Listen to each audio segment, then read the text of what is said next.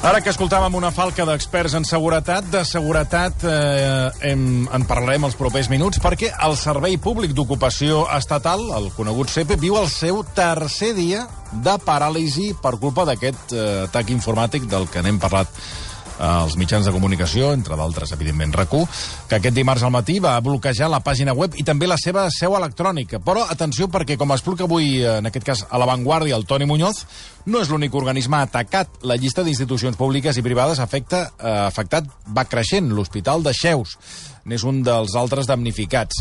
Uh, en fi, hi ha un grapat d'indrets que, que, que estan sent atacats ara, o que fa uns mesos eh, també ho han estat, com per exemple centres hospitalaris com l'Hospital Brosi de Sant Joan d'Espí o l'Hospital del Mar de eh, Barcelona. Toni Muñoz, eh, periodista de Successos i Tribunals de la Vanguardia, col·laborador de rac molt bona tarda. Bona tarda.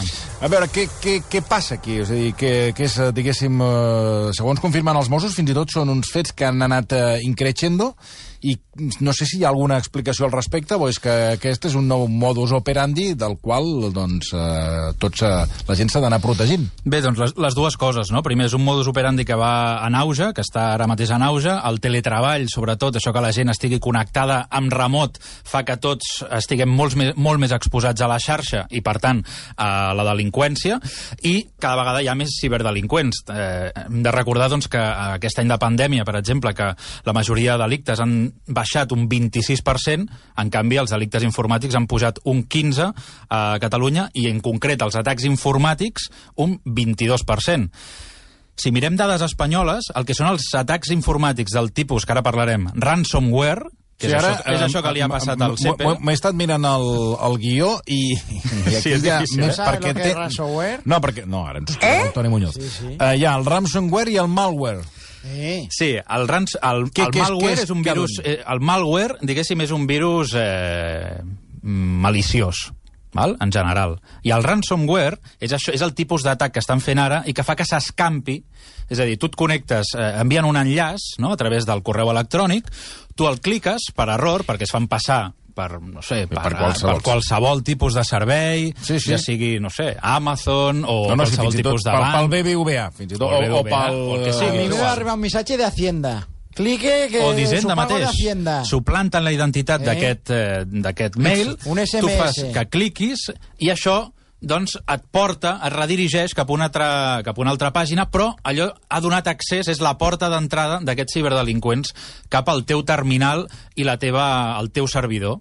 Clar, el que passa és com cada, cada vegada estem més connectats des de casa i som més vulnerables perquè tot aquest sistema remot s'ha posat en marxa d'una manera molt ràpida, no? de dir, vinga, anem a comprar llicències per treballar en remot des de casa teva. D'acord, però no estaves prou preparat ni prou protegit i això, doncs aquestes vulnerabilitats les acaben aprofitant als ciberdelinqüents.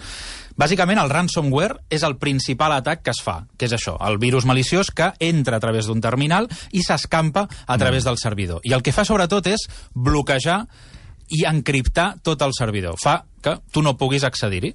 I aleshores el que fan aquesta gent és aquests ciberdelinqüents t'envien envien un missatge, un correu electrònic dient si vols desbloquejar, desencriptar tot aquest servidor, has de pagar tanta pasta, eh, bitcoins, a un... A un en bitcoins? En bitcoins, sí, per no deixar rastre. Claro i aleshores et donarem la clau, la contrasenya, el password perquè puguis desencriptar-ho. Ransomware, en el fons, el que vol dir és rescat del programari. Val? És a dir, ells et segresten tota aquesta informació, després et demanen un rescat per mm, alliberar-la. Per desprogramar-t'ho. Exacte. Bueno, per, no, per, per, bueno, per desbloquejar-te. Per desbloquejar-te. Clar, aquí hi ha, hi ha diverses opcions. Hi ha, la policia, òbviament, el que et diuen és que no paguis perquè mm. no tens la certesa que et puguin tornar... Jo conec dos casos que la policia els va dir que no paguis i l'única solució que van trobar va ser pagar. I els hi van donar la, la contrasenya i van bueno, se la, se la van jugar i sí, el, el, el, els, va, conec dos casos mm. d'empreses, de, de pimes, sí. de petita i mitjana empresa, que era l'única solució que van trobar, mm. perquè, clar, el col·lapse anaven passant els dies, anaven passant els, els dies, no ho solventaven i, i es van trobar amb les... Van dir, bueno, escolta'm, ara, clar, eh, el que deies, mm, Clar, estàs perquè- alimentant, eh, en aquest cas, els delinqüents. Clar, són, i sobretot que són delinqüents, hi ha de dos tipus, diguéssim. Les grans organitzacions criminals, eh, molt especialitzades en el tema dels delictes informàtics, no ho pot fer qualsevol, això, i aleshores el que fan és enviar aquests missatges perquè tu cliquis i demanar aquest tipus de rescat. Però és que Però es veu... on estarien afincades aquestes grans... Doncs Se per, sap tot, això per, tot seguir el món. Es parlava, per tot el món. Es parlava, per exemple, de Rússia, de, ara, per exemple, també a Romania, han, n'han detectat alguns altres, però, diguéssim, per molts indrets d'Europa. I, clar, et poden atacar des de qualsevol lloc. I això, a nivell d'investigació de la policia, és molt difícil de rastrejar, perquè tu, al final, el que necessites és demanar una comissió rogatòria, és a dir, el permís d'un jutge d'on estigui ubicada aquesta organització per poder investigar-la, i com que són gent doncs, que es van movent molt i tenen diversos tentacles a diversos països, doncs realment és molt, molt complicat de perseguir. Clar, aquí aquest seria, diguéssim, l'organització criminal més especialitzada. Però és que després tenim, diguéssim, el, no, di- no m'atreveixo a dir el lladre de tota la vida, però un... A vegades hem parlat no, de, de gent que intenta reciclar el seu negoci, doncs els delinqüents passa el mateix. Es, es van adaptant a la manera de, de cometre Vols els dir que han, han, delictes. fet, un curs de, de com ser pirata informàtic? Mm, potser sí, una mica. eh, Es van especialitzant, però es veu que a la Deep Web, que és això, el, aquestes El webs... internet oscuro. Exacte. Sí. Que, en fi, gran part de la delinqüència, la venda d'armes es fa a través doncs, Vostè, perdoni, senyor Santa Sí. Susana, eh, a veure si es posa d'acord. O parla amb mascareta o sense, perquè arriba Porque un me punt la, ja... trec, me la trec y me la poso. Cuando Pero no ¿quién pa- sentit té, Porque la normativa que posa aquí en, en la fora, en la radio. Cuando no, hable, mascarilla. Cuando hable, se la però quita. això és, Y a vegades que no me... això és per gent que s'està una estona aquí sí. sense parlar, però vostè que va parlant permanentment Bueno, quan però ja no li toca, me- me recordo- pues posis la mascareta i calli, que és una mica el que hauria de fer. És que co- costa d'entendre. Eh? Ah, és Si que és fàcil entén millor con mascarilla que sense. No, posis la mascareta i calli, que és el millor que Això. pot fer i aleshores... Mare, Ah, calli un mierda. rato. Ja està. Com, Calli un com vostè, senyor Buigas, Eh? posis la mascareta i també calli. Ah. Vostè per què no se la posa? Pues no, ara no estàvem dient que calli ell. No, però vostè està sense mascareta. Sí, sí. Però Silencio! Estava parlant d'ell, ara estava parlant d'ell, no? No canviem de tema, tampoc. Que calli ja aquest home. Mierda. Bueno, eh, digues... Eh, No, això, estan parlant d'aquest tipus de lladres no tan especialitzat, però és que es veu que aquest tipus de ransomware, diguéssim, aquest virus que El de- el s'escampa... que et segresta, El que et el segresta, segrest, sí. es pot fer a través de la Deep Web, tu pots contractar, diguéssim, un intermediari perquè t'ho faci. Exacte. I de fet aquest, això es diu ransomware as a service, que voldria ser el servei de ransomware, no? És a dir, tu vols contractar una, una empresa externa perquè et faci t'ho això, faci. doncs t'ho fan. Bueno, i això, això ara, eh, que aquest que jo crec que comença a ser un problema Sí. greu, els estats què pensen fer amb tot això? Perquè, clar, eh, Doncs, eh, perquè aviam, amb, de la manera que m'has dit, de, de, de, fer la, de perseguir el delinqüent, mm. això és molt, eh, clar, per arribar amb ell és molt difícil. Sobretot aquí ara no és tant perseguir el delinqüent, que també, sinó intentar blindar-se davant Ah. d'aquestes amenaces. És anar actual... Ah. Perquè al final totes aquestes amenaces es van actualitzant. Tu no cal... Primer tens un antivirus, però després aquell antivirus no et serveix per res, no? Doncs això a gran una cosa, escala... ha provat de tancar l'ordinador i tornar a enxufar? Sí. No, perquè a vegades això... Igual amb la cosa més senzilla no han caigut, eh? Sí, sí, el disgust ve quan tornes a, a arrencar-lo i tampoc no, no va. No, i el que diuen és això, d'anar permanentment actualitzant la, la, els sistemes de protecció. Es veu que cada vegada més doncs, les, les empreses dediquen gairebé un 10% del seu pressupost ja en la seguretat informàtica per blindar que passin coses d'aquestes. Hi ha una dada, per exemple, eh, que vaig veure... Que el CP, perdona, el que, del que ha transcendit és que estan segrestats, és a dir, que els hi demanen un rescat. Sí, sí, és que el ransomware ara mateix és el principal problema que tenen els, els organismes públics, les empreses, la, les pimes no tant, perquè no són... En fi, l'últim informe deia que era un 12% de les pimes havia estat atacada amb el ransomware. Les grans empreses espanyoles, l'any 2019, és l'última dada que hi ha, eh, un, eh, un 23% de les grans empreses havien estat atacades per, per aquest tipus de- d'organitzacions i vull dir, i els organismes públics cada vegada ens anem trobant amb més exemples. Hem vist ara, ara recentment, com per exemple l'Ajuntament d'Arenys de Mar o, la, o, Sí, senyor. o, o de Cambrils. En varen parlar aquí al programa. Ah, exacte, ho recordo. I, de fet, eh, l'Ajuntament de Cambrils van posar la denúncia perquè els havien segrestat tot el, serve el servidor informàtic el 22 de desembre i ahir, ahir, han passat 3 mesos, va ser quan pel primer dia estava al 100% en funcionament. Imagina't els problemes que han tingut per tornar a volcar tota la informació en el servidor. Fins a... Clar, això, eh, els danys que, té, que, que genera són molt, molt importants. Eh, a Cambrils, per exemple, és que no podien ni... Tu no podies agafar un llibre de la biblioteca perquè el sistema estava completament caigut. A Arenys de Mar també. Van haver de bueno, fer un paral·lel, és a dir, al, al final la clau de tot això és fragmentar el que és tot el servidor, tenir-ho en diversos llocs, i d'aquesta manera, si em peten un, doncs tenir accés des d'un altre. Però clar, moltes organitzacions o molts organismes no ho tenen fet, mm. i al final doncs passa el que passa, que quan t'ataquen doncs has de reaccionar. Mm. Um, Aquí a rac vam viure amb el servidor, l'streaming i la web, però perquè es va cremar el Sí, servidor. sí. Bueno, Però on, per exemple, sí que ho van, ho van, ho van Eh, patir va venir- molt, va ser la... El hacker va venir a, a posar un misto. No, però on va passar, per exemple, va ser la cadena SER, fa, crec, que fa aproximadament un any, que van tenir, crec que van estar sis mesos per restablir tot el sistema. Sis mesos? Sí, sí, molt de temps, molt de Jesús. temps. I... És la fi del món, això. Això, tornem al paper. Vostè ja ho deia, eh, paper. el, el paper de tota la vida, Sí. el, el I tant. el La tiquet... màquina- O no, Sí, l'ordinador- l'ordinador aquell de les lletres verdes, aquell primer, que no hi havia internet, saps aquell de les lletres verdes? El Astra. La- Com se, aquell ja... ja, ja amb aquell L'Spectrum, no- l'Spectrum. L'Spectrum. Spectrum. Bé, canviem de qüestió. Uh, anem amb un cas que fa dies que el Toni Muñoz en vol parlar, que és el crim de Carmen Fraile. Uh, L'Audiència de Barcelona ha considerat prescrit aquest crim. El crim de, de Carmen Fraile, l'hem de recordar, eh, el, és el cadàver d'una dona que va aparèixer el 1999 enterrat al jardí d'una finca de Sant Salvador de Guardiola. Havia desaparegut el 1981. Ara li demanarem al Toni Muñoz que ens faci una mica de, de flashback d'aquest cas i eh, en quin punt està i per què ha prescrit, si és que ha prescrit. Sí, ha prescrit perquè l'Audiència de Barcelona considera que ja està extingida la responsabilitat penal, malgrat que han trobat un suposat autor del crim. Però han passat tant de temps que ara ja es considera que la responsabilitat penal està extingida i no se'l pot perseguir amb aquest senyor. aquest, aquest cas és molt, és molt colpidor perquè la, això ens hem de remuntar l'any 99, com deies, va aparèixer un cadàver eh, enterrat eh, sota terra d'un d'un jardí, jardí. a Sant Salvador de Guardiola, al Bages. En aquell moment ningú sabia qui era, aquella dona, estava, estava embarassada, van trobar, clar, el, el cos mm. sense vida, amb un fetus a dins de, de sis mesos, i aquesta dona presentava un, un tret al cap. Aquell cos, doncs, el van acabar enterrant perquè no sabien quina era la seva, la seva identitat, i allà es va quedar.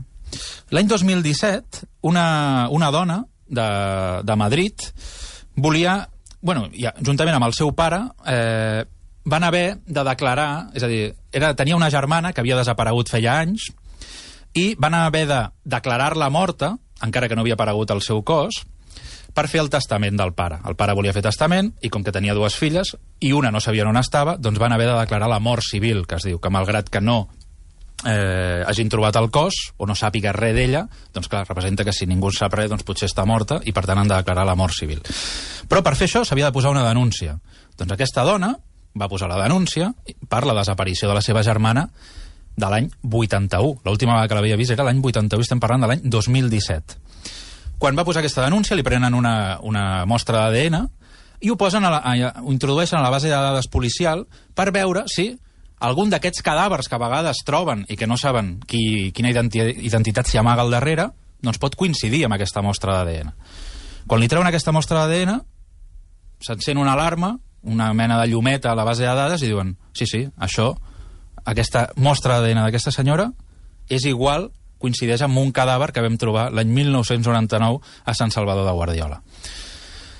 Aquí, clar, aleshores, la Guàrdia Civil, que és a qui arriba aquest cas i aquesta denúncia, es posa en marxa i diuen, vale, ja sabem doncs, que aquesta dona, amb aquest cadàver que va aparèixer l'any 99 a Sant Salvador de Guardiola, és Carmen Fraile, és la germana d'aquesta dona. Anem a veure què és el que li va poder passar. Aleshores s'endinsen una mica en la història era, aquesta. el cadàver era la germana Era la d'aquesta germana dona. d'aquesta dona. Que, li va, Aquest- que mm, per fer la, el, el testament la van declarar eh, civilment morta. Ah, exacte. Correcte. Val. No hi havia cos. Però, clar, quan posa la denúncia sí que apareix el cos Sí, sí, d'aquesta clar, dona. I diuen, sí, clar. sí, aquesta, aquest mm. cadàver el vam trobar l'any 99. Mm. I aleshores li, li, li prenen declaració amb aquesta dona i escolti, doncs expliqui'm quan, quina és l'última vegada que vostè va veure la seva germana. Doncs aquí expliquen una mica i s'endinsen en la història familiar d'aquesta gent.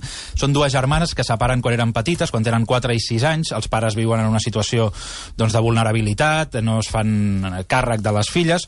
Una se'n va amb una... Eh, la, la Carmen Fraile se'n va viure amb, amb l'àvia materna i la seva germana petita l'envien a un orfenat. Quan són més grans, ja tenen 18 anys, es tornen a retrobar les dues germanes, sembla doncs, que tornen a tenir relació, tenen amistat, fins al punt que eh, aquesta germana, la germana petita, li presenta un home que és amic del seu marit, i li diu, mira, doncs vols, si vols conèixer gent i tal, et presento aquest senyor.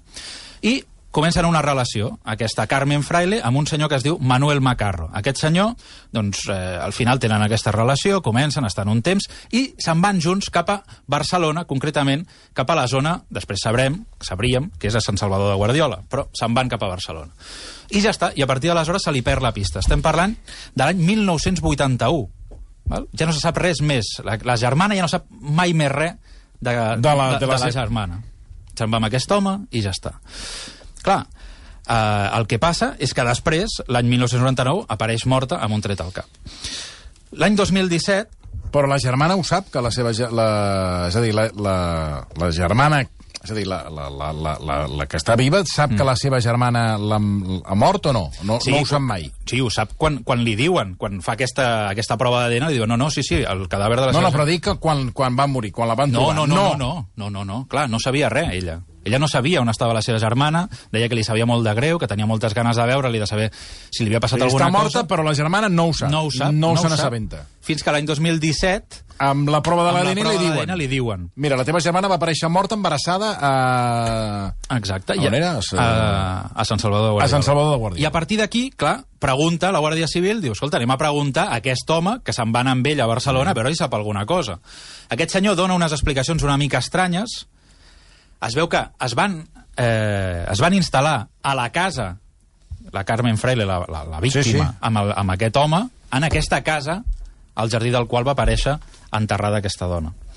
I aquest senyor, doncs després, es va, es va... aquest senyor estava casat, sembla que tenia una doble vida amb aquesta Carmen Fraile, estava casat, tenia tres fills, i el mòbil del crim sembla ser que aquesta era la seva amant i que quan li diu que està embarassada, aquest home doncs, acaba amb la seva vida i l'enterra al jardí d'aquell xalet. Sí, tenia una doble vida vivint al xalet de... Sí, de Sant Salvador de de Sant. Salvador de Guardiola. Sí. Però el més fort del cas és que sembla ser que... Bueno, no, segur. Aquest senyor després va portar la seva família els seus tres fills a viure en aquella casa quan el cos de la seva amant, d'aquesta dona, estava enterrat en aquest jardí. I va viure un, un cert temps allà. Després, aquest senyor va anar canviant d'ubicació, va anar rastrejant quina ha estat la seva vida, va anar a viure a Castelló, després està vivint a Tarragona, ara està per Catalunya, i en aquell moment, quan ja tenien prou fonamentada l'acusació de dir no, no, aquest senyor és el responsable de la mort de la Carmen Fraile, el van detenir. El van detenir, el van portar davant d'un jutge de Castelló, però com que havia passat tant de temps, van considerar que el crim estava prescrit. Per què? Uh, la prescripció d'un crim són 25 anys. No se sap quan es va cometre aquest crim. Podria haver estat l'any 1981 o podria ser l'any 1999, que és quan van trobar el cadàver. Però vés a saber, entre el 1981 i el 1999 són 18 anys, no? Sí. Però, igualment, estem a l'any 2017 i, per tant, ja ha passat més de 25 anys des que, suposadament, s'hauria produït aquesta mort i, per tant, no es pot perseguir aquest crim.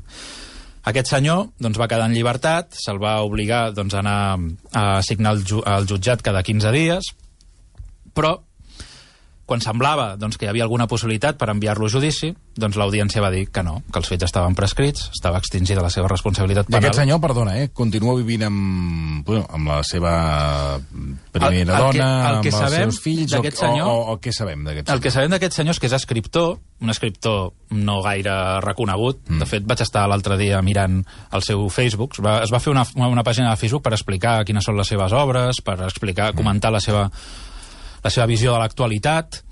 I hi ha molta gent que li retreu, no?, de dir eh, que ha estat imputat per això. I, i ja està, viu, sa- sabem que viu per la zona de Tarragona i, i ja està. I en cas que ell hagués estat doncs, la- l'assassí de, la, de la Carmen Fraile i del seu fill, perquè estava embarassada, doncs aquest crim ha quedat, ha quedat impune. Escolta, parlant de crims impunes, eh, què en sabem del crim del doble crim de Susqueda? Ho dic perquè eh, a la vora del pantà de Susqueda, a la zona de Carós, el passat 28 de febrer, uns excursionistes van trobar un crani i diversos ossos humans. Eh, aquest pantà No sé tu, però realment comença a ser tètric. Eh, per, per tot el que passa al seu voltant, no? Tot Sí. un seguit de coses sempre tur túrbies. Sí, aviam, mm, sempre que apareguin cadàvers de tant en tant, és més habitual del que sembla. Però, però en aquesta zona? O No, no, en general, en general. Ah, és més habitual del que sí. sembla? Sí, de fet, eh, els Mossos d'Esquadra, l'última dada que vaig, que vaig fer un reportatge, parlaven que hi havia 115 cadàvers sense identificar a Què Catalunya que s'havien trobat. A Catalunya? Sí. I A Catalunya, 115? Sí, i que de tant en tant van apareixent, i no tots, es- no tots són, estan relacionats amb l'activitat criminal, a vegades doncs, són suïcidis, a vegades són gent doncs, que va a buscar bolets, es perden i se'ls hi perd la pista i consten com a desapareguts si no se'ls troba, i a vegades, doncs això, gent que ha caigut, que no se'ls troba, consten com a desapareguts, i quan hi ha un temporal, quan va haver-hi, per exemple, el temporal Glòria, això provoca moviments de terra que fa doncs, que persones o cadàvers que hi ha sota terra o amagats en algun lloc es moguin i, apare i aflorin. No? I en aquest cas doncs, sembla que podia ser una cosa d'aquestes, quan el passat diumenge 28 de febrer doncs, aquests excursionistes van trobar aquest crani, diversos ossos humans, però sembla doncs, que estarien datats de fa molts anys i que potser podria ser doncs, alguna mena de resta... Cada vegada hi ha més gent morta, eh? Si al final... Cada vegada hi ha més ossos de gent morta Exacte. al món. Exacte. Hi havia un moment que no sé si haurem de marxar Sí, sí. d'aquí, només per la quantitat d'ossos que hi ha. Raó hem de plantejar. Ha pensat en marxar a. Mart i Sí. podríem descansar de vostè? La humanitat hauria d'anar a Mart a poblar No, no, la humanitat no, vostè. Eh, vostè hauria Bueno, com a cap de la humanitat, que sóc jo. Eh, com la gossa laica, doncs el mateix. Eh? Jo i la Sí. gossa laica. Bueno, mira, mira. Uh, no, per preguntar-li, al, en aquest cas, al, al Toni Muñoz, a veure, uh, sabem res més, perquè uh, aquest, aquesta, abans, abans d'entrar en matèria, el... Bueno, l'Oriol Cruz li parlava, Sí, sí, li sí. preguntava de casos, eh, per exemple, un cas d'un assassinat a Sabadell, Sabadell, sí. i jo li preguntava sobre, el, recordem, el, els assassinats del Marc Hernández i la Paula Mas, no? la parella trobada morta al pantà de Susqueda, on en un primer moment doncs, es va detenir i fins i tot es va engarjolar el Jordi Magentí Gamell, després el va salvar posar en llibertat. Hem sapigut res més d'aquest cas o, o, no, o, o és d'aquests casos que ja ha doncs quedat... de moment sembla que està bastant paralitzada la investigació. La periodista Tura Soler del Punt Avui, que és qui més està seguint aquest cas, doncs l'altre dia va fer un article que precisament parlava que fa 3 anys de la detenció de Jordi Magentí, el van detenir l'1 de març del 2017.